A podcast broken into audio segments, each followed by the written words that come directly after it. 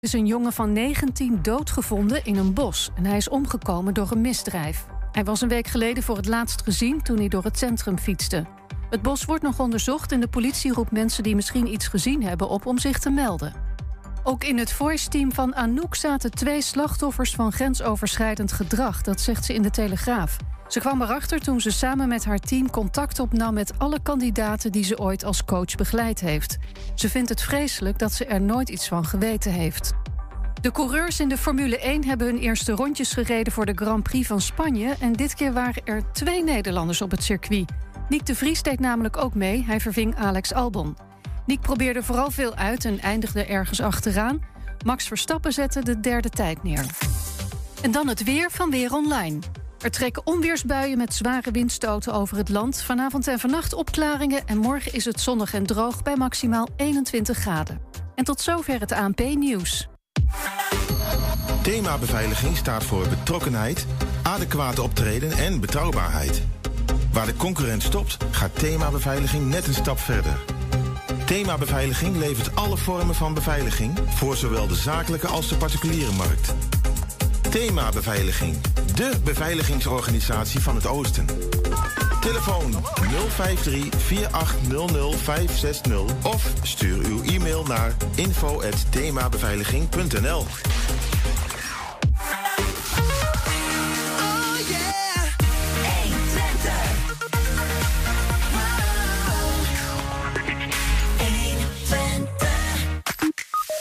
Textielschool De Mare opende de deuren in 1922 en nu, 100 jaar later, is de school nog steeds een groot onderdeel van de Enschedese textielstudies. Morgen wordt een reunie gehouden. Ja, Mark Rutte verwijderde jarenlang sms'jes van zijn telefoon. En we vroegen de Enschede'ers of zij wel eens berichten verwijderen en welke dat zijn. De Head is de naam van een 10 meter hoog koperen hoofd dat gisteren werd onthuld op de Universiteit Twente. Bovenin een dwelorkest en onze verslaggever. Morgen stroomt het muziekcentrum in Enschede vol met jonge orkestmuzici uit Twente en ver daarbuiten voor een jeugdmuziekdag. Buurtbemiddelaars in Enschede zagen het aantal burenruzies de afgelopen jaren toenemen. Nu is het stabiel, maar het aantal complexe meldingen groeit nog altijd.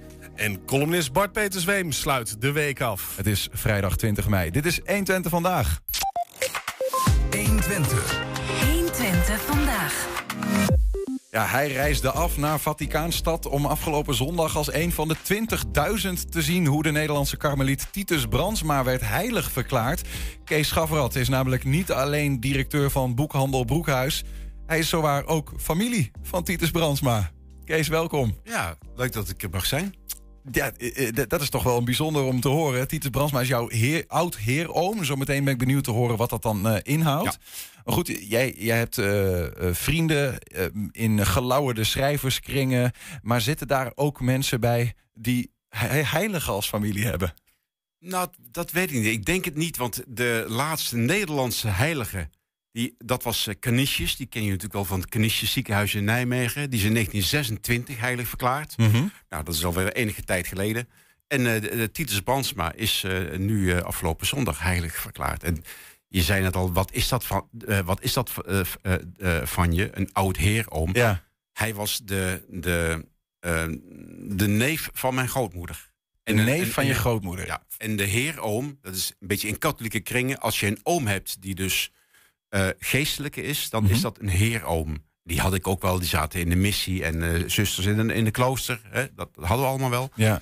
En uh, Titus Bansma was dat voor mijn, voor mijn, voor mijn moeder. Ongelooflijk. Ik ben, ik ben benieuwd straks te horen wat dat dan betekend heeft. Maar eventjes, je bent um, op, in Vaticaanstad...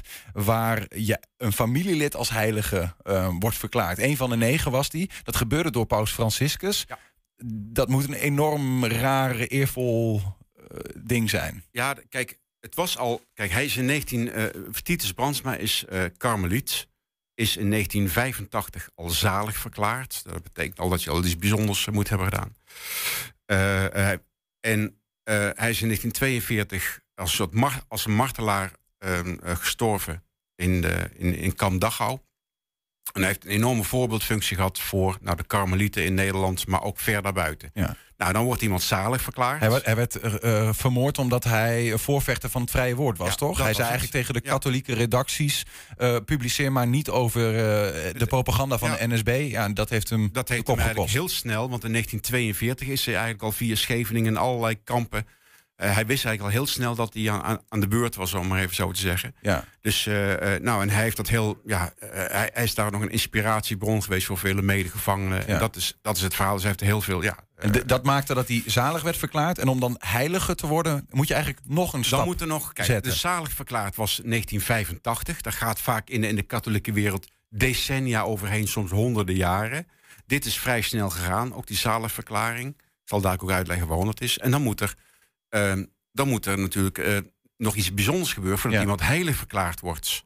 Wij dachten thuis ook in de familie, want wij weten al, ja, ik weet al vanaf, kijk, dit boekje ligt al vanaf de jaren 60 bij ons eh, thuis. Eh, dus we hebben een, een Titus eh, wie- plankje thuis. Want Jij wist ja, wel, ja, de. Titus Brandsma, dat is mijn familie. En ik heb een paar, paar, een paar neven die heet ook Titus. Dus dat is allemaal. ja, wij, wij wisten dat dat wel Ja. ging gebeuren. En toen, in 1985, werd hij dus zalig verklaard door eh, eh, een van de vorige pauzen. En dat vonden we al Mhm. heel wat. Maar ja, toen dachten we van ja, ja, eh, zalig het is toch een beetje de. de de, de keu- keukenkampioen-divisie, dacht ik, weet je wel. Dat, dat kan toch beter? ik maak, ja. Ja. Nee, maar er zit een enorme lobby achter, wereldwijd, Karmelieten. En die hebben uiteindelijk, moet er een wonder gezocht worden. Er moet een wonder toegeschreven worden aan Titus Brandsma. Hij is in 1942 overleden, dus hij kan het zelf niet meer doen. Nee. Maar wat is eh, feitelijk het wonder? Nou, er is een Amerikaanse eh, geestelijke, ook een karmeliet. En die is eh, rond het jaar 2002 had hij een enorme huidkanker. en nou, die ging met zijn, met zijn volgelingen of met zijn medebroeders geweldig bidden. Hè? Nou, wel met Titus Brandsma als opperkarmeliet in, in het vizier. En, en uiteindelijk kreeg hij ook een stukje stof van, van Titus Brandsma, van, de- van een habijt. Nou, dat, je voelt hem al aan, daar, daar, daar is overheen gewreven. Ja. En eh, na twee jaar was die, die huidkanker die was helemaal verdwenen. Nou, dan, dan is dat nog niet meteen een wonder. Maar ze zeggen wel, het is wel onverklaarbaar. En dan moeten ook door niet-katholieke organisaties, wetenschappelijke organisaties, die gaan naar kijken. Ja, is dit nou onverklaarbaar of is dit. Nou, hebben we er iets. Die kwamen er ook niet uit. hij was niet onder behandeling bij een dokter. Nee, nee, hij was helemaal uitbehandeld. Het, was helemaal, het was helemaal klaar. Ja. Nou ja, dus iemand in zo'n ver stadium, afijn. Eh, eh, eh, en toen, nou ja, ga, ga je het proces verder in. En toen werd gezegd, ja, maar dit kan toch niet anders dan door voorspraak van Titus Brandsma. En dan duurt het in de katholieke wereld nog een jaar of, nou ja, nog een jaar of vijftien. En dan komt het steeds een etage hoger. Totdat op een gegeven moment bij zo'n club komt. Hè, eh, en die zeggen van, nou ja, wij, nemen, wij, wij zijn voornemens om Titus Brandsma op te nemen in het boek der heiligen. Want het is, het is nogal wat hoor. Het zijn er, het zijn er geen honderden. Het zijn, het zijn- dus dat is echt wel Nee, want even, dan, dan wordt hij dus ook echt Sint Ja. Titus. Of Sint Brandsma. Ja, ja, Eh, zo. en dan gaan mensen via eh, Titus Brandsma bidden. Ja. eh, of tot hen bidden. Ja. En om, om voor, voor genezing. Ook dat. Hè? En kijk, wij, we zijn in Nederland niet zo heel sterk met heiligen. Maar als je kijkt naar, naar Portugal en, eh, en Griekenland... ja, daar hebben ze natuurlijk 30 heilige dagen. Hè? Dan hebben we iedereen vrij. De heilige zus, de heilige zoon. Ja, ja. Nou, Titus Brandsma is dus nu ook eh eh, heilig verklaard. En de reden waarom dat relatief snel is... want er werden inderdaad nog negen andere mensen heilig verklaard. Sommigen al 300 jaar overleden. Dat kwam eigenlijk omdat... eh, Titus Brandsma is niet alleen een voorbeeld voor heel veel katholieken... maar ook voor een hele brede eh, gemeenschap. Dat, dat plein stond ook helemaal vol. Ja. En dus Nou ja, misschien ook vanwege zijn rol als martelaar voor het vrije woord. voor- hè? Ja, voor het vrije woord. eh, Ja. namens het verzet. En dat heeft zo'n katholieke eh, kerk ook doen, doen maken. Om te zeggen, nou, dan geven we hem een beetje een voor... Nou ja, we, we versnellen dat wat meer. Want er werd ook iemand van 1700 eh eh, heilig verklaard. Ja, Ja, nou, dat, Terwijl hij, eh, nou ja, hij is jouw oud eh heeroom, dus de neef van jouw oma, zoals Ja. je eigenlijk al zei, Ja. grootmoeder. Is dit dat, dat, dat, dat, die geneeskrachtige werking, en ik bedoel dat niet oneerbiedig, is dat erfelijk binnen de katholieke kerk? Nee, helaas niet. Ik voel, ik voel me natuurlijk wel een beetje zweven sinds zondag. Ik wist ook al heel snel toen hij heilig verklaard werd. dacht ik van, ik moet daar naartoe. Weet je wel, ik vind gewoon, ja, dat is de gebeurtenis. Hè? En, en ook nog de, de hele ceremonie. Want je moeder was bij de zalenverklaring in Mijn moeder 85. was bij de zalenverklaring. Daar was je zelf Ja. niet bij? Nee, was ik zelf Deze niet moet je- bij. moest je dus dacht- hebben. Ik dacht keukenkampioen, dat, eh, Dat- dat doen we dat niet. doen we niet aan. Maar moet wel, eh, u, eh, moet Ja. wel maar- Champions League worden. Maar hoe word je daar dan ontvangen? Ik, ik kan me er nog weinig van inbeelden. Nou, jij komt in Rome aan en Ik jij kom- bent ik- familie Nou, van. dat, is, dat, dat valt nog. Want ik dacht van, ik had, ik had eh, een goede vriendin, eh, Rosita Steenbeek, woont er, woont, werkt daar. Dus ik dacht van, nou ja, die kent dat eh, Vaticaan. Dus ik zeg, Rosita, wij komen, mevrouw en ik. Laten we even, eh, hoe, hoe, komen we daar, eh, hoe komen we daar binnen? Nou, dat is heel ingewikkeld. Nou, uiteindelijk via de Karmelieten in Nijmegen en naar Almelo en zuster zus. eh, nou, fijn. Ja, je, moet je, je moet een kaartje Ja, hebben, toch? uiteindelijk via, via, Ita- via Rome zelf kreeg ik, hè, eh, ik moest ook aankondigen waarom ik dat weet, Ja. eh, waarom ik erbij wilde zijn. Nou, eh, uiteindelijk zei ze, nou ja, prima, er liggen een paar kaartjes voor je klaar. Ik heb deze dan meegenomen. Maar mag we eens zien? Dit is, dit is jouw ticket, Dit is mijn ticket. tot de heilige verklaring Ja, van. Nummer 8500 en nog iets. Ja, dit is toch wel bijzonder. Ja, dus, en die moet je er ook daar ophalen. Hè? Het is ook, die, moet je, die worden niet opgestuurd. Het is geen e-ticket. Nee, je moet het fysiek in zo'n kapelletje moet je dat ophalen. Jouw naam staat ergens Ja, opgeschreven. Ja, er staat gewoon een envelopje, staat je naam op en eh, het adres van de boekhandel in Hengelo. en ze doen er dan meteen een, eh, een, een, een, een panini, nou, een, Ja. een heilige plaatje bij. ja, ja. Fel begeer trouwens. ja. Nee, maar zonder dolle. ehm, eh, en, eh, nou ja, dus. Maar dat betekent op zich nog niks. Het betekent dat je toegang hebt tot eh, het plein. Het is ongeplaceerd. Ik ben er een dag of twee van tevoren gaan kijken. Sint-Pietersplein. ja. Ja. en dan hebben ze allemaal, eh, eh, net een soort songfestival, allemaal dingen, ruimtes af, afgekaderd. Ja. Ehm, eh, het is niet geplaceerd. Hè? Ik bedoel, ben geen kardinaal. Ik, dus, maar je, je, je mag er dus bij komen. Dan moet je er vroeg zijn. Nou, wij waren er heel vroeg. ja. De dienst begon om tien uur. Wij waren We hebben wat foto's. Misschien kunnen we die ondertussen, eh, geloof ik dat we wat foto's hebben. Misschien kunnen we die even laten zien. Eh, Gewoon op de Ja, achtergrond, hier, Kees. is, dit, dit, hier zie je dat ik de ruimte waar we die kaarten krijgen, die zat in die envelop. Ja. Ja, en dan ben je toch een beetje. Ja, het is net alsof je. Of je eh, eh, kaarten voor de Stones hebt of zo, weet je wel. Of iets dat je denkt van. Het is heel, ja, iets wat je heel graag wil zien. Terwijl je denkt, eigenlijk, eigenlijk hangt er helemaal een, een hele andere energie omheen. Want het- bij een popconcert, een voetbalwedstrijd.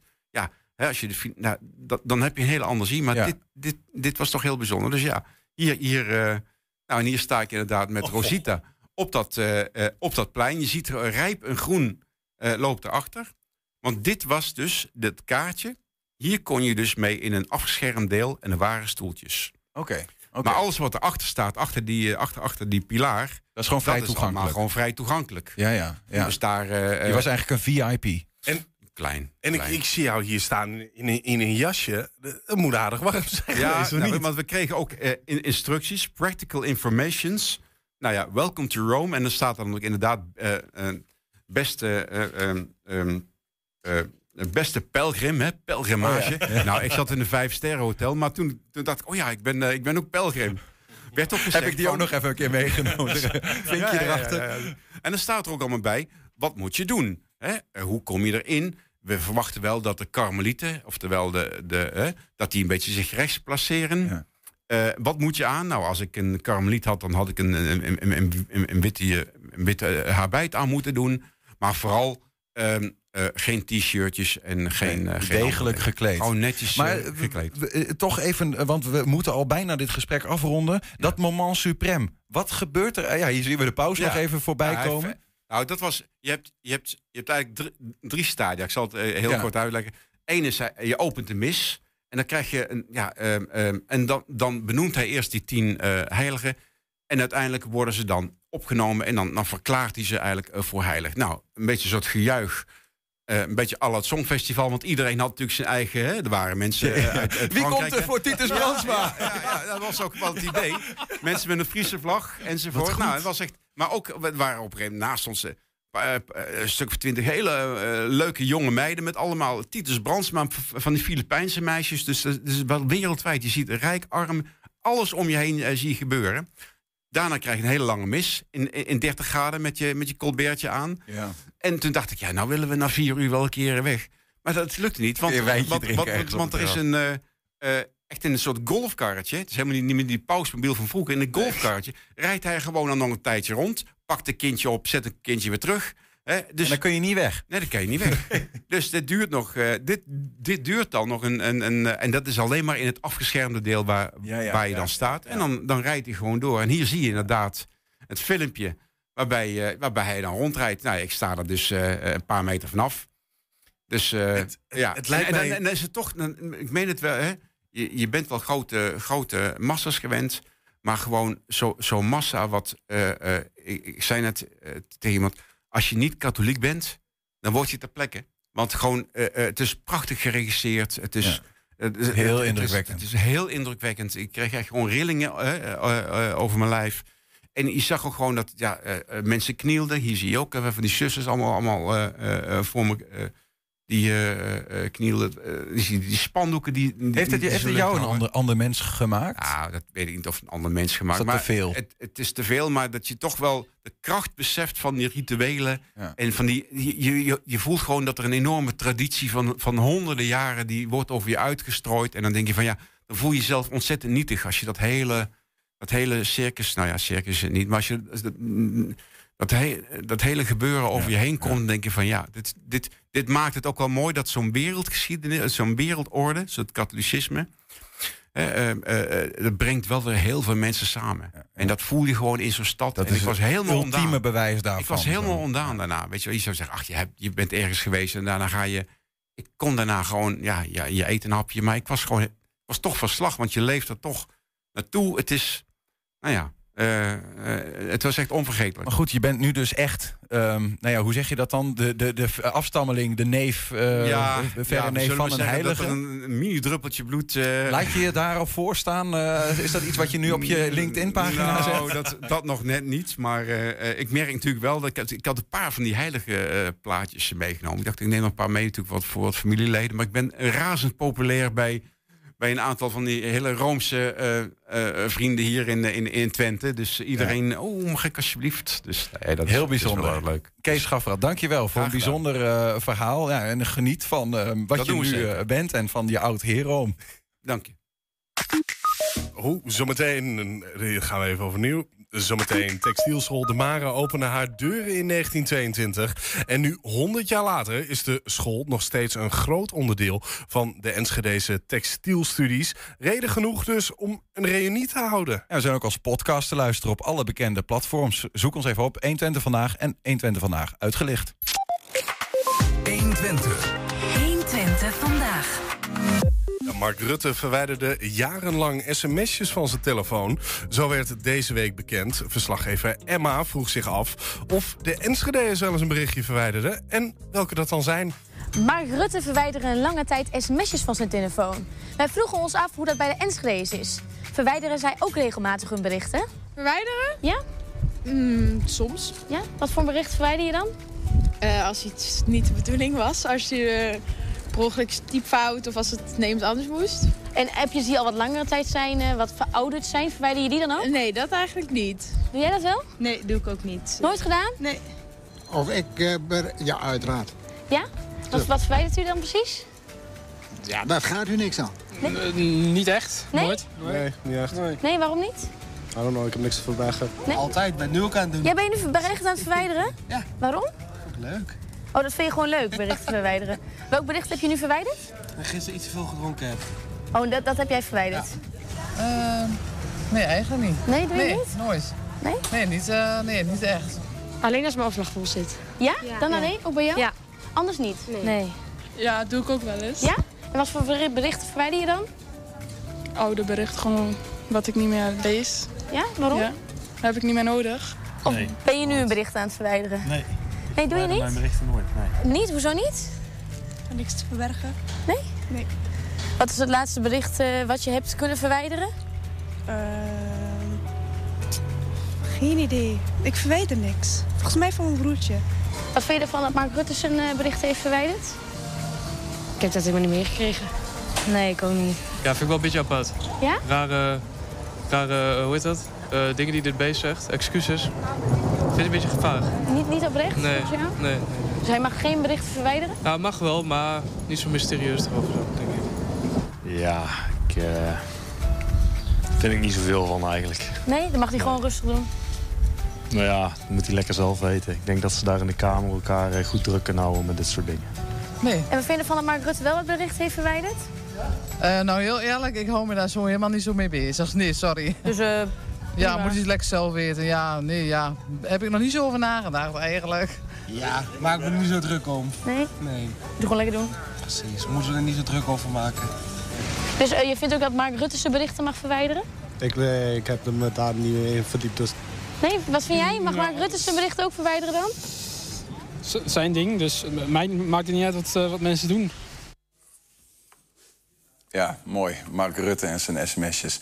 Ehm, textielschool De Mare in Enschede opende de deuren in 1922. En nu, 100 jaar later, is de school eh, nog steeds eh, een groot onderdeel van die Enschedeze textielindustrie. Of eigenlijk textielstudies, moet ik nu zeggen.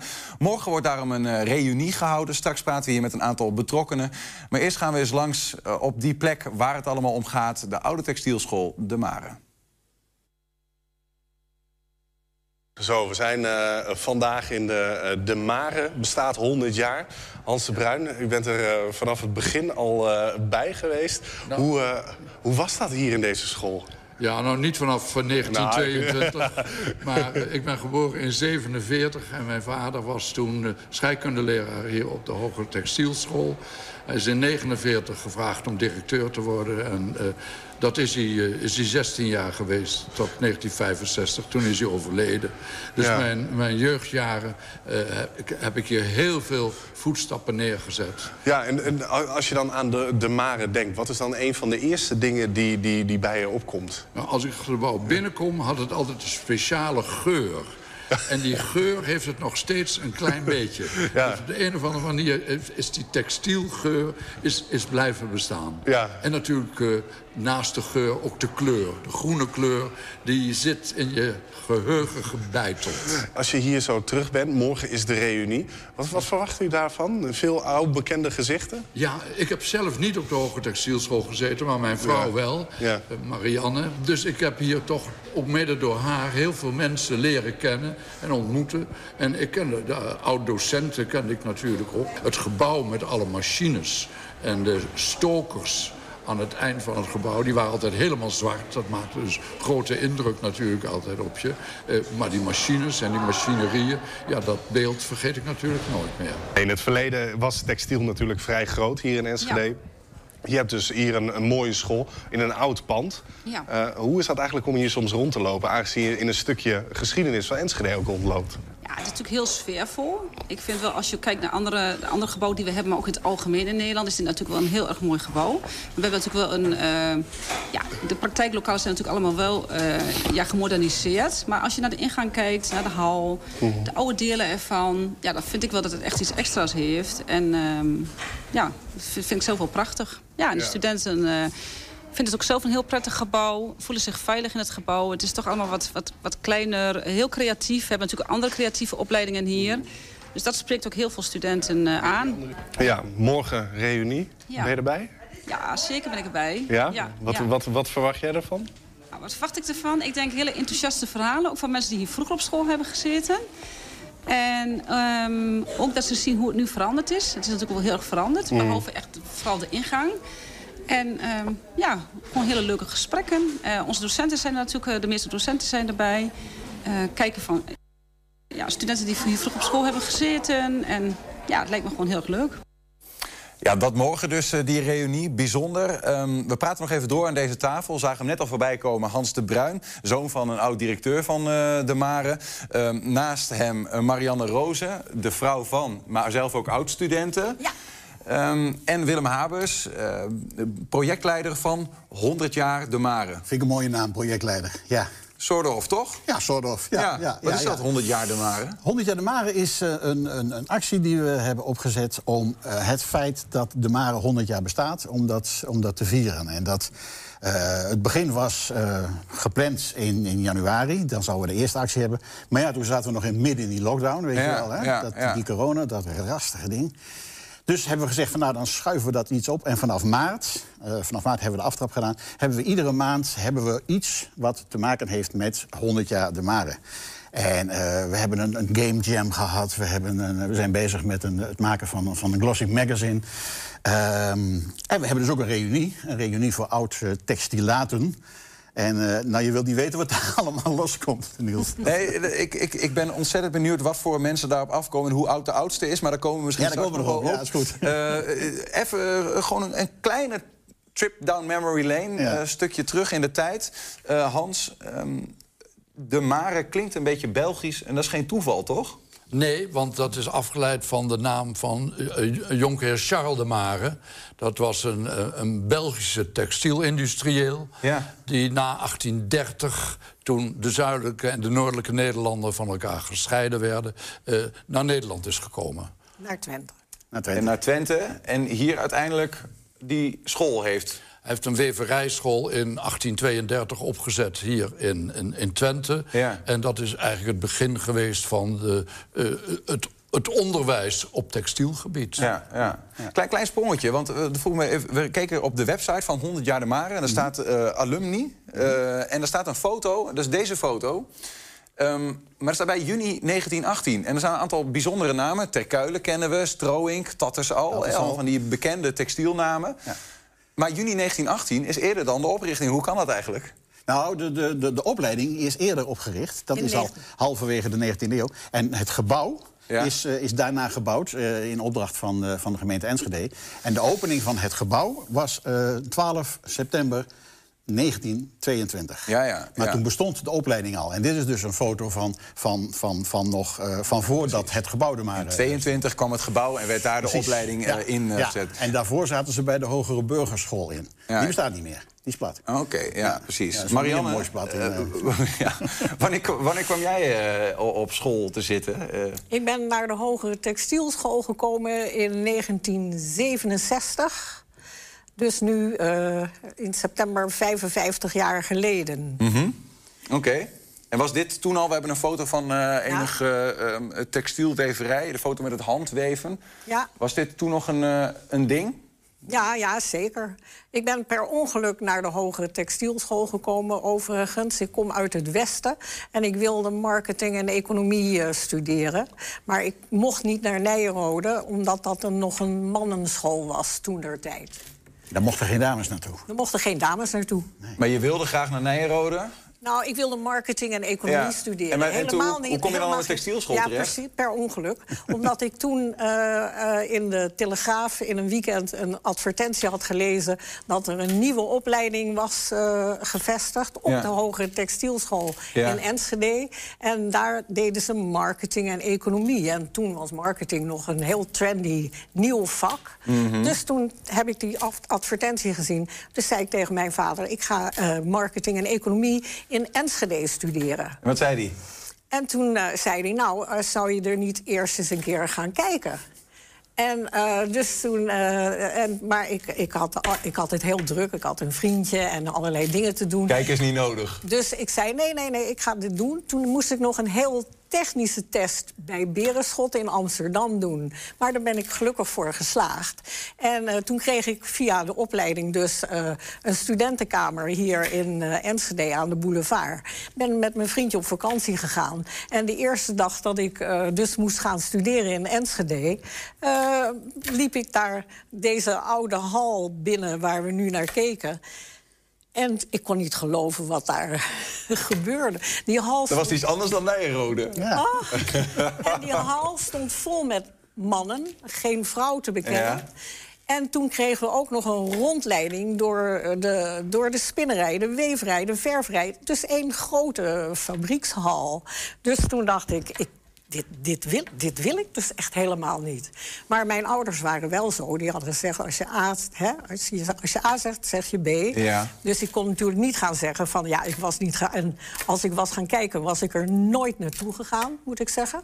En, eh, maar toen. Je bent eh, gebleven? Ik ben gebleven, want ik dacht, ik blijf tot kerstmis. En dan zeg ik tegen mijn ouders, ik heb het echt geprobeerd, maar hè, dit is het niet. Maar Je zat er na kerstmis nog? En na kerst, maar tegen de tijd dat het kerst was, vond ik namelijk de, de, de, de vakken, de echte textielvakken, leuker, bijna leuker dan marketing en economie.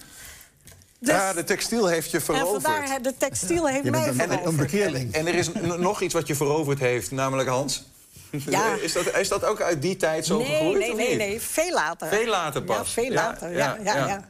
Ik heb mijn, eh, door de hogere textielschool... ik heb echt mijn hele leven tot ongeveer nu in de textiel eh, echt gewerkt. Maar veel meer in de eh, productie, productiekant. Heel lang in Engeland ook. En, maar ik ben in een van mijn bedrijven... heb ik een stap buiten de textiel gemaakt, even. Omdat ik daar weg moest gaan. Ik ging zelf weg. En toen ben ik hem tegengekomen bij Golden Tulip Hotels... dat onderdeel was van KLM. Maar dat is toch toevallig dan? Want in principe, jij was leerling op de Mare, terwijl Hans, je was zelf geen leerling, maar woonde er wel tegenover, toch? Eh, nee, we wonen in de Blijdensteinlaan, dus dat was een stukje daar vandaan. En ik ken Marianne ook helemaal niet uit de studietijd. Nee. Ik, eh, Helemaal niet. Het is dus veel later. Dit, eh, we waren allebei 39 toen we elkaar ontmoet Dat is, toch- dat is toch fo- dat is, ja, toeval bestaat niet, zeggen ze dan toch bijna. Dat is Uit toch deze, uit deze tijd, uit deze tijd Ja. heb ik hem ontmoet. Hier, dit is een artikel wat over jou gaat. In Oude Water. De titel noemt mij maar textielingenieur. Hier, ja. ja.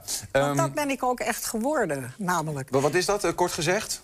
Textielingenieur. Ik ben echt eh, een, een technicus. Hè. Ik ben geen eh, designer, fashion, whatever, whatever. Ik ben Ja. een textielingenieur. Ma- marketing, communicatie. Ja, heb ik er heel erg bij gedaan. Ook nog De erbij wel. combinatie was, Ja. was namelijk geweldig. Eh, Hans, zoon van eh, een van de directeuren destijds. Ehm, eh, hoe was dat? Was dat een aanzienlijk... eh, weet je, had je daar aanzien van?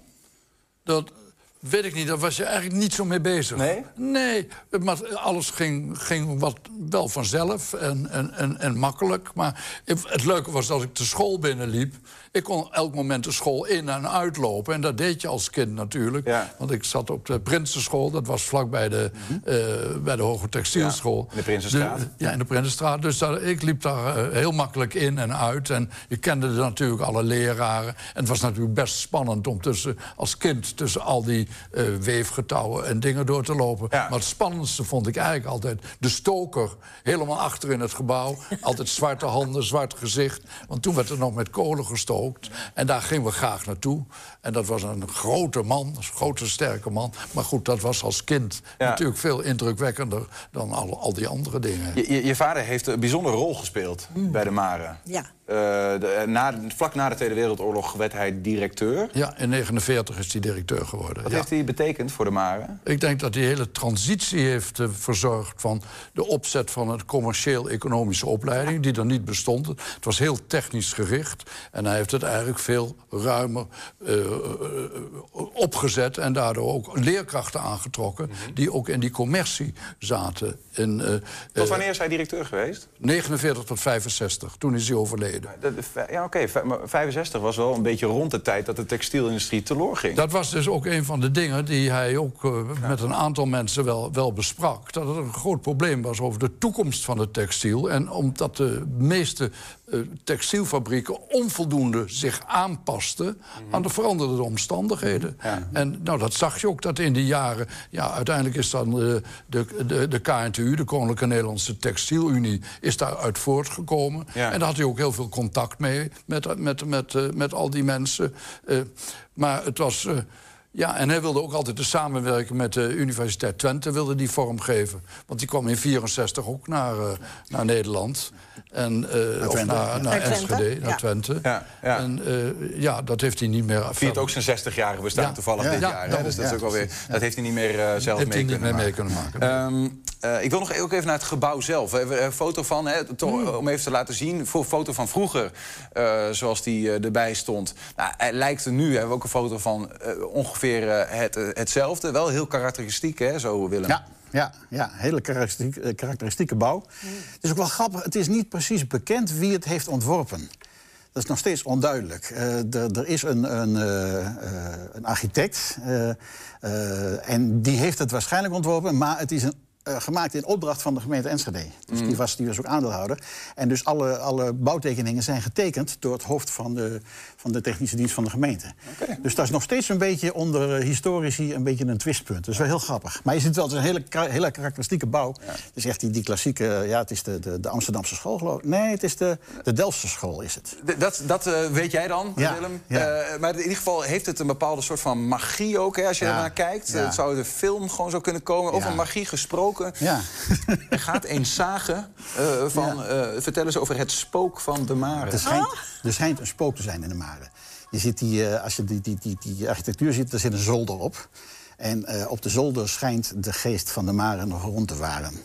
En iedereen zegt van ja, dat is niet zo. Maar de- ik, ik heb dat van een paar eh, huismeesters gehoord. Hè, de, de conciërges die zeiden van... nou, wat me nou toch eens is overkomen. Ik heb daar gisteren wat op die zolder neergezet... en ik kom daar vandaag en dat spul is weg. Dat kan toch niet? en een dag later staat dat spul er weer. En weer een dag later zit dat spul, het waren allemaal papieren, eh, oude examens, ik weet het niet. Die waren ergens anders verspreid. Dus nou, zo is het van, nou, er is een spook. Dat kan niet missen, er, er moet een spook zijn. En er zijn ook mensen, want dat is ook wel grappig, op die zolder... daar heeft ook een tijdje de sociëteit gezeten van de studentenvereniging. Ja. En ja, een studentenvereniging, dan weet je wel hoe laat het wordt. En als het dan wat later is, dan komen er allerlei verhalen. En dat, die schijnen ook echt het spook te hebben gezien. Oké. Maar ik vermoed dat daar wel wat alcoholische beïnvloeding bij was. We hebben daar geen beelden van. Daar hebben we helaas. geen, eh, maar geen dat, houdt de zaag in ieder geval levend. En de onduidelijkheid daarover. Ja, Eh, tot slot... Dat is een mooi verhaal, dus dat is- moet je nooit kapot checken. Hè? Dat, Zeker eh, niet. nee. Ehm, eh, september, dan is het echt eh, zover dat het 100 jaar is. 12 Eh, september, wat gaat er dan gebeuren? 12 september hebben we een, een groot feest eh, voor, de, voor de huidige bewoners. Want we hebben nu het feest voor de, voor, voor de oud-gebruikers, de oud-bewoners, hè, de alumni. En eh, 12 september, dat is de dag dat de, de Mare echt 100 jaar eh, de verjaardag heeft, zeg maar. En dan gaan we met, eh, met de huidige studenten en, eh, en, en, en, en docenten... gaan we een groot eh, feest eh, En eh, ja, wat het allemaal wordt, eh, weet je, het barst daar van de creativiteit. Dus het wordt gewoon een heel groot feest en we laten het allemaal gebeuren. Wie weet laat eh, het spook van de Mare zich nog zien. Nou ja, ik zit daar een beetje. Ik doe hem nu een oproep. Hoort er wel bij, hè? Ja, ik vind wel dat hij daarbij hoort. Ja, en als hij zich meldt, dan wordt hij erelid. Eh, dank jullie wel. Hans de Bruin, Marianne Rozen en eh, Willem Habers. En op naar de volgende 100 jaar de Mare dan. zeg. Ja, zeker. dank jullie wel. Dank je wel. Ja, dat was dus over de Mare. Zometeen de- gaan wij verder met de Jeugdmuziekdag. 120. 120 vandaag. Het onweer gooide bijna roet in het eten gistermiddag... maar uiteindelijk kon de onthulling van het kunstwerk The Head op de UT toch doorgaan. Het werk is gemaakt door Joep van Lieshout... in verband met het 60-jarig jubileum van de universiteit. Het 10 meter eh, hoge hoofd, dat helemaal van koper is gemaakt... werd voor de gelegenheid beklommen door het dwelorkest van de UT... met de bijzondere naam Toho Wo Boho dat om de aanwezigen, waaronder de natuurlijke kunstenaar, een serenade te brengen. En eh, ik zit een groep mensen voor die eh, mag mee kiezen eh, wat voor kunst er op de UT komt. En we dachten, we gaan sparen, een paar jaar lang al het geld wat er is opzij zetten... zodat we op dat moment echt een groot kunstwerk kunnen onthullen. En dat is de hert geworden. Het is een enorm grote koperen kop van eh 10 meter hoog. Waar je in kan gaan, waar je bovenop kan staan. En thematisch heeft het heel erg te maken met wat hier op de universiteit gebeurt. Het is natuurlijk een hoofd, dus het gaat over het nadenken. Hè. Wij zitten allemaal erg in ons hoofd op de universiteit. Kun je ook helemaal bovenop het hoofd gaan staan. Op de grens van de campus en de wereld. Dus je kijkt uit over de samenleving. Hè. Dus het gaat ook nog eens over de verbinding van wetenschap en samenleving. Het is van koper. Hè. Joep Verlieshout legt zo mooi uit het metaal dat de mensheid altijd al heeft begeleid. Van de kopertijd tot de digitale tijd, als het ware. Het ziet eruit als een paaseiland hoofd. Van een oude beschaving waar we nog die hoofden van over hebben. En die beschaving is ten onder gegaan aan zijn eigen techniek. Overbelasting van het land, waardoor het hele eiland weggespoeld is eigenlijk. Dat is ook een soort waarschuwing misschien ergens van jongens... die wetenschap eh, kan ook gevaarlijk zijn als het ware. Dus ja, in die zin denk ik dat het kunstwerk zoveel in zich heeft... eh, wat echt gaat over wetenschap, techniek en samenleving. Eh, ik vind het prachtig. Ik ben heel trots dat wij dit hier nu eh, mogen onthullen vandaag. Het gaat eigenlijk over het hoofd van de mens. In het, in het hoofd gebeurt alles. Daar denken we, daar herinneren we. En eh, daar, zijn we, daar vinden we ook nieuwe dingen mee uit. En wat dan belangrijk is, is dat het, zeg maar, het hoofd ook heel primitief overkomt. En dan refereert naar de oorsprong van de mens. En het metaal wat gebruikt wordt, koper, refereert weer juist naar de toekomst. Want alles waar een stekker of een beeldscherm aan zit, dat kan niet zonder koper. En het gaat dus eigenlijk over, denk na over de gevolgen van je uitvindingen die jullie allemaal hier bedenken. Het is een, een kolossaal hoofd eigenlijk. Hè? Volgens mij het grootste kunstwerk wat jullie ooit vervoerd hebben. Ja, het is enorm uh, breed. Het is uh, 4 meter breed, of 4,5 meter breed. En dat is zeg maar het grootste wat er überhaupt over de weg kan. Dus het kan alleen maar s'nachts met van die volgwagens ervoor. En uh, nou, we hebben alles in delen gemaakt in Rotterdam. En is het hier in elkaar gezet. En hoe lang hebben jullie over het totale werk gedaan? Nou, ik denk ongeveer een jaar hebben we eraan gewerkt. Ja. Kwamen jullie bij Van Lieshout uit? Oh, we hebben er eigenlijk een soort prijsvraag van gemaakt. Dus uh, we zeiden, kom met een goed idee voor een kunstwerk ergens buiten. En we hadden drie plekken op de campus waar het zou kunnen. En uh, de drie beste mensen uh, van alle 50 die we kregen... die kregen ook nog een klein beetje geld om het plan verder uit te werken. En uit die drie verder uitgewerkte plannen hebben we de het gekozen. Dus jullie wisten eigenlijk van tevoren al dat het dit kunstwerk zou worden? Ja, ja hij heeft inderdaad helemaal gemaakt wat hij toen al had uitgewerkt als een soort uh, schets. Het is alleen wel, het mooie is, we hebben het nog wat groter kunnen maken. Want dat moet het ook echt hebben van zijn, van zijn omvang. Uh, omdat we extra subsidie hebben aangevraagd bij het Mondriaan Fonds. En die hebben er nog 200.000 euro bijgelegd, zodat het uh, wat hoger kon worden en niet een, een klein hoofdje zou worden. Ja, wat heeft het dan wel niet gekost allemaal dan? Ja, ik moet zeggen dat ik de eindstand niet weet, maar enkele honderdduizenden euro's. Ja, en, en dat, lijkt heel, dat is ook heel veel natuurlijk. Maar het is goed om te zeggen, voor een deel is het dus subsidie. En we hebben er lang voor gespaard. We dachten, we kunnen wel elk jaar wat kunst kopen... maar het is eigenlijk mooier om gewoon een groot kunstwerk te hebben... dat ook echt gaat over de universiteit, over de wetenschap. En nou, dit beeld heeft het allemaal in zich. Uh, ja, en daardoor uh, denken we dat het toch het geld meer dan waard is. Straks gaan we de opening zien, hè? De, de onthulling. Uh, hoe gaat het in zijn werk? Uh, nou, er is eerst een, uh, een praatje hier en een uh, studium generale voor de studenten... om meer te praten over de achtergronden van het werk. Dan gaat het dweilorkest van de studenten van TU Twente... die gaat lopend daarheen en die gaan dan in die koperen kop... want dan kun je met een menteltrap naar boven... bovenop het hoofd staan en daar een openingsmuziek spelen... met koperen instrumenten natuurlijk.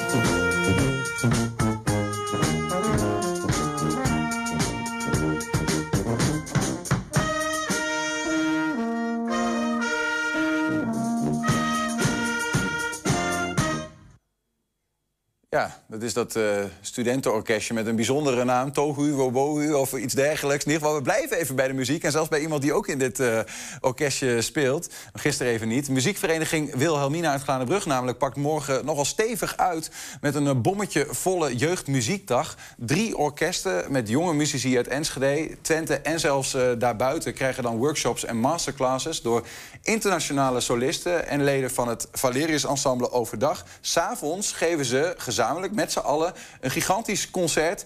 met werken van Vivaldi, Strauss, Gershwin... En na de pauze een potpourri van filmklassiekers. Dus het wordt echt wel een groot ding. Straks praten we over die bijzondere dag. Maar eerst even wat beelden van die laatste repetitiedag in Amsterdam.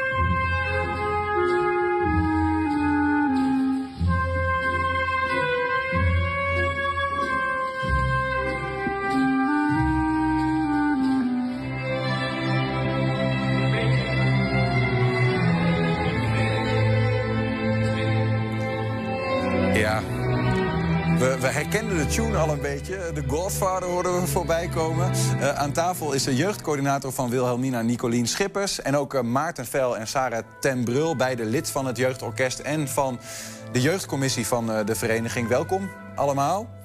Ehm, dat klopt toch, Godfather, Maarten? Ja, dit was Godfather, inderdaad. Ja, ja, door Miroslav. Nou, die kan het wel. Ja? Ja, ja nee, zeker. Ja, want jullie gaan spelen als jonge amateurmuzici met de professionals, toch? Ja. ja, dat is wat, inderdaad. Dan mogen we naar Amsterdam zaterdag. Uh, nou, afgelopen zaterdag mochten we naar Amsterdam. Om dan te gaan oefenen. En dan komen zij, morgen komen ze hier naartoe. Ja. Hoe vet is dat Sarah? Ja, super vet. Je speelt natuurlijk met eh, professionele muzici als nou ja, jeugdorkest. Ja. En eh, nou, we zijn dan één groot samengesteld orkest ook met strijkers. Dat doen wij normaal nooit. Eh, dus dus voor ons nu was het de tweede keer. We hadden eerst met Symfonia geoefend. Ja, Jullie spelen normaal nooit met strijkers. Nee. nee Als- wij als zijn, Wilhelmina. nee, als Wilhelmina zijn er niet. Nee. Nee, maar dat is juist het leuke, bijzondere van dit project. Ja. Wij zijn een harmonieorkest.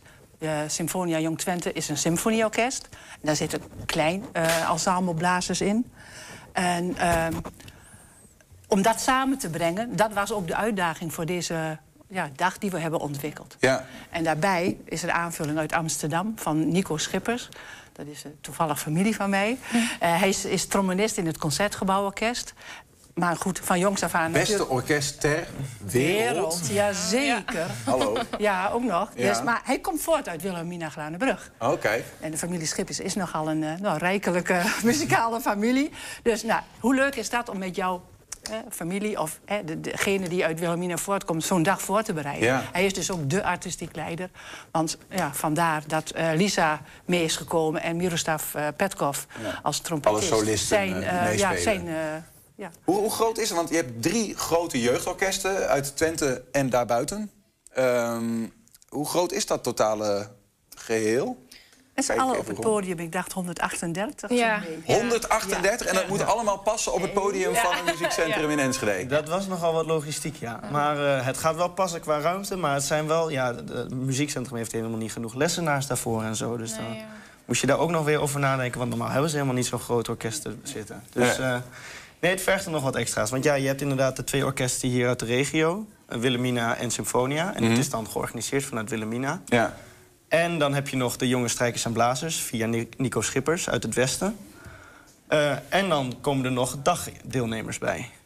Die gewoon niet bij zo'n orkest zitten, maar wel denken: hé, hey, ik wil graag meespelen. Ja, want overdag is er, is er ook nog eh, van alles eh, te doen, hè? Zijn er ook Eh, nog de workshops? Workshops en dat soort Ja. dingen. Ja. Even, eh, voordat ik... Want ik ben benieuwd wat voor een instrument jullie spelen en waarom en zo. Maar toch eerst misschien even... jullie dachten, Nicolien, corona voorbij. Nou moeten we alles inhalen, in één dag stoppen of zo? Ja, we hadden het eigenlijk vorig jaar willen organiseren. Maar ja, corona. Dus dan moet je kijken wat is wel mogelijk. Nou, muziekcentrum moet vrij zijn. eh, de solisten moeten kunnen. Moet, wij moeten genoeg tijd hebben. Ja. De drie orkesten om alles in te studeren. En dat is gelukt eh, op de 21 mei. Kunnen we dat uitvoeren. Dus ja, dat is geweldig. Waar- maar waarom, doen, waarom zit er een soort van gedachte achter? Eh, is het gewoon voor de leuk of zit er nog meer achter? Er zit wel meer achter. Muziek maken is zo mooi. Dat is je hobby, je passie. als je ja, muzikaal bent, je oefent zelf. Mhm. En als je dan samen in een orkest, in een ensemble speelt... Ja, dan merk je hoe belangrijk jouw partij is. En dan hoor je het geheel. Mhm. En dat geeft zo'n kick. Ik Ja. speel ook al heel lang. Ik speel zelf eh, van God in het groot orkest. En, eh, Maar dat wil je laten zien met, dat, eh, Ja, met die muziekdag. Maar ook En om ook- jongeren te trekken? juist, om je anderen te laten zien... Want het is een beetje een uitstervend ras. Of vloeken Nou, in de kerk? Nee, eigenlijk niet. Nee? Maar niet uitstervend ras. Maar ik denk zelf, door corona zijn er zoveel mensen afgehaakt... of die durven niet meer. Ja. En om nu toch te laten zien hoe leuk dat is, samen musiceren... Ja, willen we deze dag organiseren. En vandaar dat we ook mensen van buiten onze orkesten hebben gevraagd... kom op, voor een leuke dag, meld je aan. En we bieden een Ook als je geen muzikant bent? Nee. Je moet wel iets bespelen. Ja, je Precies. moet ook wel een beetje niveau hebben. Eh, Sarah, eh, ja, als ik zeg jullie zijn een uitstervend ras, voel je dat niet zo? Eh, nou ja, ja, uitstervend ras. Je merkt wel, eh, ehm, eh, er moeten vaak keuzes gemaakt worden thuis. Vroeger was het bij mij nou ja, net zo. Ik deed in sport, maar maakte ook muziek. Ik ben zelf ook opgegroeid in een muzikaal gezin. Mhm. Dus dat werd met de paplepel ingegoten. Het was nooit echt een verplichting, want ja, ik vond het ook heel leuk. Maar je hoort ook best wel vaak, ja, er moet een keuze gemaakt worden. Want zaterdag wordt er gevoetbald. Nou, wij repeteren toevallig op de zaterdag. Of, En wat gaat dan elders. voor? En wat gaat dan voor? En jongeren gaan op een gegeven moment naar de middelbare school of gaan studeren. Er moeten keuzes gemaakt worden. En ja, je ziet ook wel redelijk vaak dat muziek daarin... eh ja. Beetje het. Je Ja. Voor jou niet? Ja. Waarom nee, niet? voor mij niet. Eh, ja, nou ja, wat ik zeg, het is met de paplepel lepel ingegoten. Het is een, eh, een hobby. Ik doe het al, denk ik, zo rond mijn achtste jaar. vanaf mijn achtste jaar maak ik muziek. En ehm, ik, ja, ik haalde heel veel plezier uit, ontspanning. En eh, je, je leeft steeds naar een, een optreden of naar een concert toe. En dat is ja, gewoon een hele ervaring, Ja. fantastisch. Wat, wat is dit voor een... eh, want dit lijkt op een saxofoon, maar ik, ik laat me nog wel eens verrassen... dat het dan blijkbaar een andere naam soms heeft. Maar Nee, je hebt wel gelijk, het is een saxofoon, maar het is een uh, baritonsaxofoon. dat, dat is een lagere soort Ja. toon. Of... Ja, het is, ja, het is echt de, de bas. eh, ik hoor bij de bassectie. En eh, ik ben begonnen op alt-saxofoon, dus eigenlijk de, de normale standaard eh, saxofoon. Ja. En eh, ja, daar speel je met het hoge hout mee. En eh, tussen de bariton en de alt-sax zit nog een tenorsaxofoon, die is iets groter. En dan zit ik eh, richting de bassectie. dus ja, totaal wat anders. En Ik- hoe komt dat dat je dan van de ene eh, saxofoon naar de andere gaat? Is dat nodig in het, in het orkest Ja, bijvoorbeeld? het was nu ook nodig, eh, want eh, de, er waren- was een plek vrij. Er was helemaal geen baritonsax meer. En ik wilde een ja, nieuwe uitdaging. Ik heb altijd al alt-sax gedaan en ik wilde eh, iets nieuws proberen. Plus de bassectie trok me heel erg. Eh, dus ik wilde dat gewoon proberen met het idee van... als ik het niet leuk vind, ga ik terug. Maar nee, ik, eh, ik wil het graag houden. dus, eh, Maarten, eh, eh, wat is dat voor een ding wat je daar voor je hebt liggen? Ja, dit is ook een groot uitgevallen blokfluit. Eh, ja, het, is een, eh, het is een hobo. Eh, die is echt in de klassieke wereld, hoort hij.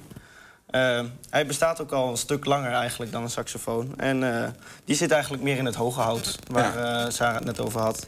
We hebben vaak de melodielijntjes en dat soort dingetjes. En Ik heb mij laten vertellen dat hobo spelen bijzonder moeilijk is. ja, nou ja, ik vind trompet spelen dan weer heel erg moeilijk. Dus het verschilt een beetje wat je ding is. Maar het, is, het wordt wel gezien als een lastig instrument. Vooral omdat het...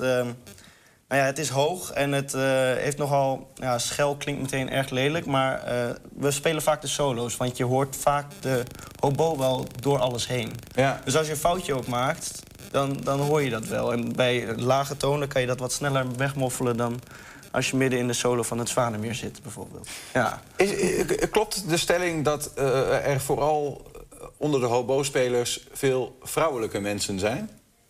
Ik ben nog niet veel mannen tegengekomen, dat klopt. Maar er zijn überhaupt weinig hoboïsten. Dus, eh, Omdat ja. het zo moeilijk is? Of omdat het, hoe komt dat eigenlijk dan? Ja, dat denk ik dan, omdat het zo moeilijk is. En het is vrij onbekend ook Ja. nog eens. Ehm, ik krijg ook heel vaak de vraag, hoe ben ik het gaan spelen? Nou ja, ik ben gewoon alles gaan proberen in de muziekschool. En dit sprak mij wel aan. Eh, maar ik wist ook niet van het bestaan op mijn negende. En eh, nou ja, toen ben ik het gewoon gaan doen. En ja, het slaat dan aan. En dan, dan vond ik het wel erg leuk om te doen. En dan vind ik het bij Wilhelmina hartstikke leuk. Want ja, mensen kennen het niet. Maar als je de filmmuziek laat horen of zoiets... Pirates of the Caribbean, daar zitten prachtige hobo-solo's in. Als je dat laat horen, dan zijn ze van... Dan denken ze, is oh ja, dit dat is vet. Ja. Daar hebben ze gewoon geen beeld bij. Dat kunnen we morgenavond horen. Maar zijn er nog eh, kaarten eigenlijk voor het concert? Er Kijk zijn even. nog kaarten. Het Ja? muziekcentrum is zo groot gelukkig, dus daar kunnen heel veel eh, mensen in Ja. om te komen. En het wordt prachtig. Veel muziek trekt mensen ook altijd. Ja. Er zijn prachtige filmbeelden bij van alle stukken en films die eh, wij spelen. Dus het wordt ja, echt één gigantische mooie dag en avond. Ja. Waar kijken jullie het meest naar uit, Sarah, jij? Oeh, ja, de hele beleving. Ik denk op het moment dat wij de eerste noot moeten gaan spelen... en eh, de zaal is stil en eh, iedereen zit klaar. Ik denk dat, dat vanaf dat moment een... eh, de Mooie belichting. Mooie belichting, ja, het totaalplaatje. Ja. Maarten?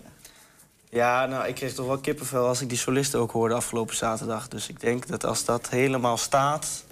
Want nou ja, vorige week zaterdag was het nog een beetje de eerste keer. Maar morgen gaat het gewoon staan en dan gaan we het gewoon spelen. Ja, dan wordt het wel prachtig. Ja. Hoe lang duurt het? Half acht beginnen. Ja, Met een pauze zijn we ongeveer tien uur klaar. Tien uur staande ovatie. Dat hopen we. Dat voor eh, drie eh, grote jeugdorkesten, eh, waaronder uit eh, de regio. Nicolien Schippers, Maarten Veil en eh, Sarah ten Brul. Dank jullie wel. Heel veel plezier morgen, eh, de hele dag eigenlijk. en vooral ook morgenavond met dat ultieme sluitstuk. Dank jullie wel. Dankjewel. Dankjewel. Komt helemaal goed. Ook in 2021 groeide het aantal meldingen van burenoverlast landelijk. Ja, dat zeggen de organisaties die buurtbemiddeling aanbieden. Meldingen van overlast komen bij hen binnen, zodat zij ermee aan de slag kunnen. Zometeen meer daarover. 120. 120 vandaag. Ja, bij de Jumbo kun je tot het eind van deze maand plaatjes sparen voor een verzamelalbum over de Enschedeze geschiedenis. Het boek staat vol met feitjes over de stad, zodat je tijdens het plakken meteen meer te weten kan komen over hoe Enschede er vroeger uitzag. Het leek ons een leuk idee om een aantal onderwerpen uit het boek iets meer te belichten met vandaag de stadsbrand. En wij gaan een paar onderwerpen wat extra belichten. En vandaag gaan we het hebben over de stadsbrand in Enschede. En ik ben heel erg benieuwd wat de Enschede's weten over dit mooie monument. Weet u waar het monument daar op de markt voor staat? Nee. Nee. Nee? Geen idee? Geen idee. Geen flauw idee. Weet jij het wel? Ik weet het wel. Weet jij het? Nee, zeker niet. Nee, absoluut niet. Nee, geen flauw idee. Nooit naar gekeken en gedacht, goh, waarom staat hij hier? Nee. Wat vindt u van het monument? Prachtig. Ja? En mijn kinderen vonden het vroeger al heel leuk met omdat er water uit kwam. Maar u weet niet waar hij voor staat? Absoluut niet. Van die brand, hè? Hier, in Enschede, toch? Het monument wat daar staat, weet je waar die voor staat? Ik weet alleen dat het het brandmonument heet, geloof ik. Dat is voor de brand in het centrum van Enschede, dacht ik. Oh, met de vuurwerkramp misschien? Nee, nee, nee. Veel eerder was er in het centrum is ooit afgefikt. Ja, in, eh, ik weet niet precies welk jaartal, maar er was hier een brand eh, in de stad. En eh, daarvoor staat eh, dit monument hier. Ja, ja en is die, eh, de stad is toen herbouwd. En ehm, daarvoor hebben ze dit monument toen neergezet. En eigenlijk was alleen dit ringetje was dan Enschede. En voor de rest is het allemaal nep. Enschede, ja. Op 7 mei 1862 staat Enschede in brand. Om twee uur 's middags ontstaat er in deze straat, de Klanderstraat, een brand bij textielarbeider Lodewijk van Loods. Het vuur slaat snel om zich heen. Via het telegraafkantoor in Hengelo stuurt de burgemeester uit Enschede een bericht aan de commissaris van de Koning, waarin hij vertelt dat er verschillende punten in Enschede in brand staan. Als de rook is opgedoekt zijn er 633 woningen, 44 pakhuizen en 8 fabrikanten en alle openbare gebouwen verwoest. Gelukkig vallen er geen doden, maar van de 4500 inwoners zijn er 3675 dakloos. Vind je het een mooi monument? Mag wel eh, een update krijgen, eerlijk gezegd. Ja, en hoe, hoe zou dit er moeten uitzien dan? Wat voor een update? Misschien een eh, likje verf hier en daar. Niet zoveel mee eigenlijk. Het, het, het heeft wel wat, ja. Ja, Breekt het plein een beetje open. ja dat Maar- inderdaad. Ja, want anders was het hier ook zo kaal en leeg, inderdaad. Ja. Ik zie fonteintjes volgens mij, maar ze staan er niet aan. Oh, die moeten er volgens dan, voor, voor jou? Ja, dat is toch wel leuk, hè? Een, een landelijke inzamelingsactie leefde buiten hulpmiddelen 250.000 gulden op. De geschatte schade was 7 miljoen gulden. 50 jaar later wordt dit zandstenen monument op de Oude Markt neergezet ter gedachtenis aan de stadsbrand. Op het monument zijn drie bronzeren platen waarin een soort stripverhaal op staat hoe de mensen in gevecht waren met de brand. Ja, dat is over die stadsbrand 1862. Ehm, trouwens, die boeken die zijn bijna eh, eh, die zijn al uitverkocht. Hè. Eind eh, mei dan, dan is het echt klaar met het uitdelen van de plaatjes. Dus ga er gauw nog even voor als je ze nog niet hebt. Ook in 2021 dan, iets heel anders, groeide het aantal meldingen van burenoverlast landelijk. Dat zeggen de organisaties die buurtbemiddeling aanbieden. Meldingen van over overlast komen bij hen binnen, zodat zij ermee aan de slag kunnen. Coördinator van de Enschedeze buurtmiddelaars, Nina Verpalen, ziet de hoeveelheid gewone burenruzies stabiliseren dit jaar. Maar het aantal complexe meldingen in Enschede ziet ze nog altijd toenemen. Nina, goedemiddag. Goedemiddag. Straks even naar die eh, complexe zaken, wat het dan inhoudt. Maar we horen dat, ehm, dat er een landelijk een, een stijging is van nou ja, 3% in 2021 van normale burenoverlast. Dat valt in principe wel mee, toch? Eh, nou ja, maar burenruzies kunnen wel ontzettend veel effect hebben op eh, eh, ja, het welbevinden van mensen. Dat horen wij ook heel vaak terug. Dat, eh, ja, dat mensen er echt eh, psychische klachten eh, ehm, van hebben, niet goed kunnen slapen, noem maar op. Dus het kan wel heel ingrijpend zijn, burenruzie en burenoverlast. Ja, dat, dat wil ik ook niet bagatelliseren, maar die 3% stijging in 2021, eh, dat, dat, is dat een schrikwekkend ehm, cijfer? Ehm, nou ja, schrikwekkend. Ik denk wel dat het, ehm, ja, door corona hebben wij heel erg gemerkt dat eh, overlastmeldingen zijn toegenomen. Omdat dat mensen gewoon een wat korter lontje hebben, zeg maar. En ik denk dat dat wel een algemene ontwikkeling is. En dat in die zin, ja, 3%, ook al klinkt het misschien klein, dat het toch, eh, het kan wel grote effecten hebben. Ja, Ja. zoals ik zo net al zei. Dus, eh, Heeft dat ook te maken met, want ik begreep in 2020, het eerste coronajaar, was er al een toename van 13%. Als dat dan 3 bovenop komt, lijkt me dat is dat wel een lijn die je niet graag wil voortzetten, zeg maar. Precies, nee, precies. Ja, ja. En Enschede vormt, vormt daarop eh, geen uitzondering? Of eh, weet je iets over de, want je bent zelf een Enschedeze buurt, je coördineert de Enschedeze buurtbemiddelaars. Hoe zit het hier? Ehm, ja, nou, we hebben eh, eh, in 2020 was de stijging echt enorm. In 2021 ja, zwakte dat wel iets af, maar toch wel, ja, eh, als je het dan vergelijkt met een paar jaar daarvoor, ehm, echt nog wel een flinke, flinke groei ook. Ehm, en we zien het, ja, dit jaar is het, is het een beetje hetzelfde, maar het zijn alsnog wel gewoon veel meldingen. Bijvoorbeeld als, om, als ik even cijfers uh, noem. In 2020 hadden we 300 meldingen van uh, uh, burenoverlast. Vorig jaar was dat 245 meldingen. Dus dat betekent dat je dan op 490 adressen, hè, want buren hebben, of mensen hebben dus ruzie met een buur. Ja. Um, dus ja, heel wat adressen die we dan uh, uh, waar, we, waar we komen. Ja, wat, wat, voor een, wat voor een, wat voor een ruzies of overlast, waar moet ik eigenlijk aan denken? Nou, met stip op één staat geluidsoverlast. Hè, dus dat, ja, dat, dat blijven we terug horen. En bijvoorbeeld ook tuinproblemen. Dus de bekende schutting, de hekjes, dat soort dingen. Of ja, mensen die vinden dat hun buren de tuin niet goed onderhouden. Um, en wat we ook wel, wat we wel zien toenemen ook, zijn echt de de problemen, ja, weet je, dat er wordt gepest, wordt getreiterd, dat echt een, een burenrelatie, um, uh, nou ja, echt slecht is, zeg maar. Dat, dat zien we ook wel toenemen. Ja. Nou, nou, maar geluidsoverlast is absoluut nummer één. Nou zie jij ook uh, wel hè, dat, dat het nu in het eerste, toch wel wat na coronajaar hopelijk, hè, wat minder in 2022 ja. qua corona, mensen kunnen weer het huis uit, dat het wat stabiliseert. Maar je zegt wel, het aantal complexe meldingen neemt toe. Wat bedoel je daar dan mee? Uh, nou, dat zijn ja, meldingen waarbij er ook nog wat meer speelt dan alleen last van de buren. Hè? Dus bijvoorbeeld uh, ja, psychosociale problemen, financiële problemen.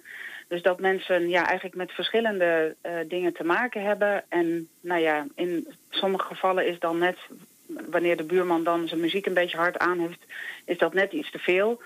Um, dus ja, zie je een opstapeling eigenlijk van problemen. Waardoor mensen ook wat minder verdraagzaam zijn. En waardoor het soms ook moeilijker is voor mensen om bij elkaar uh, aan te kloppen. En gewoon normaal het gesprek, ja, normaal een gesprek aan te gaan met hun buren.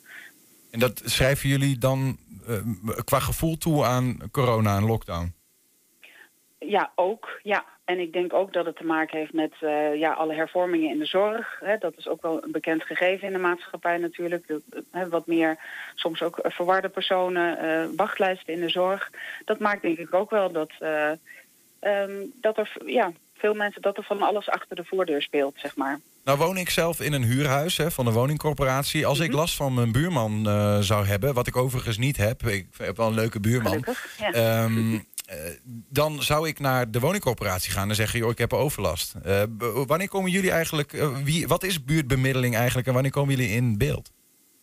Um, nou, buurtbemiddeling is een, ja, een gratis dienstverlening eigenlijk voor alle inwoners. De, voor alle inwoners van Enschede, die kunnen ons benaderen. Dus mensen kunnen ons gewoon op eigen initiatief bellen. Maar als zij dus bijvoorbeeld bellen naar de woningcoöperatie... dan zal er heel snel worden gezegd wanneer het gaat echt om één op één overlast...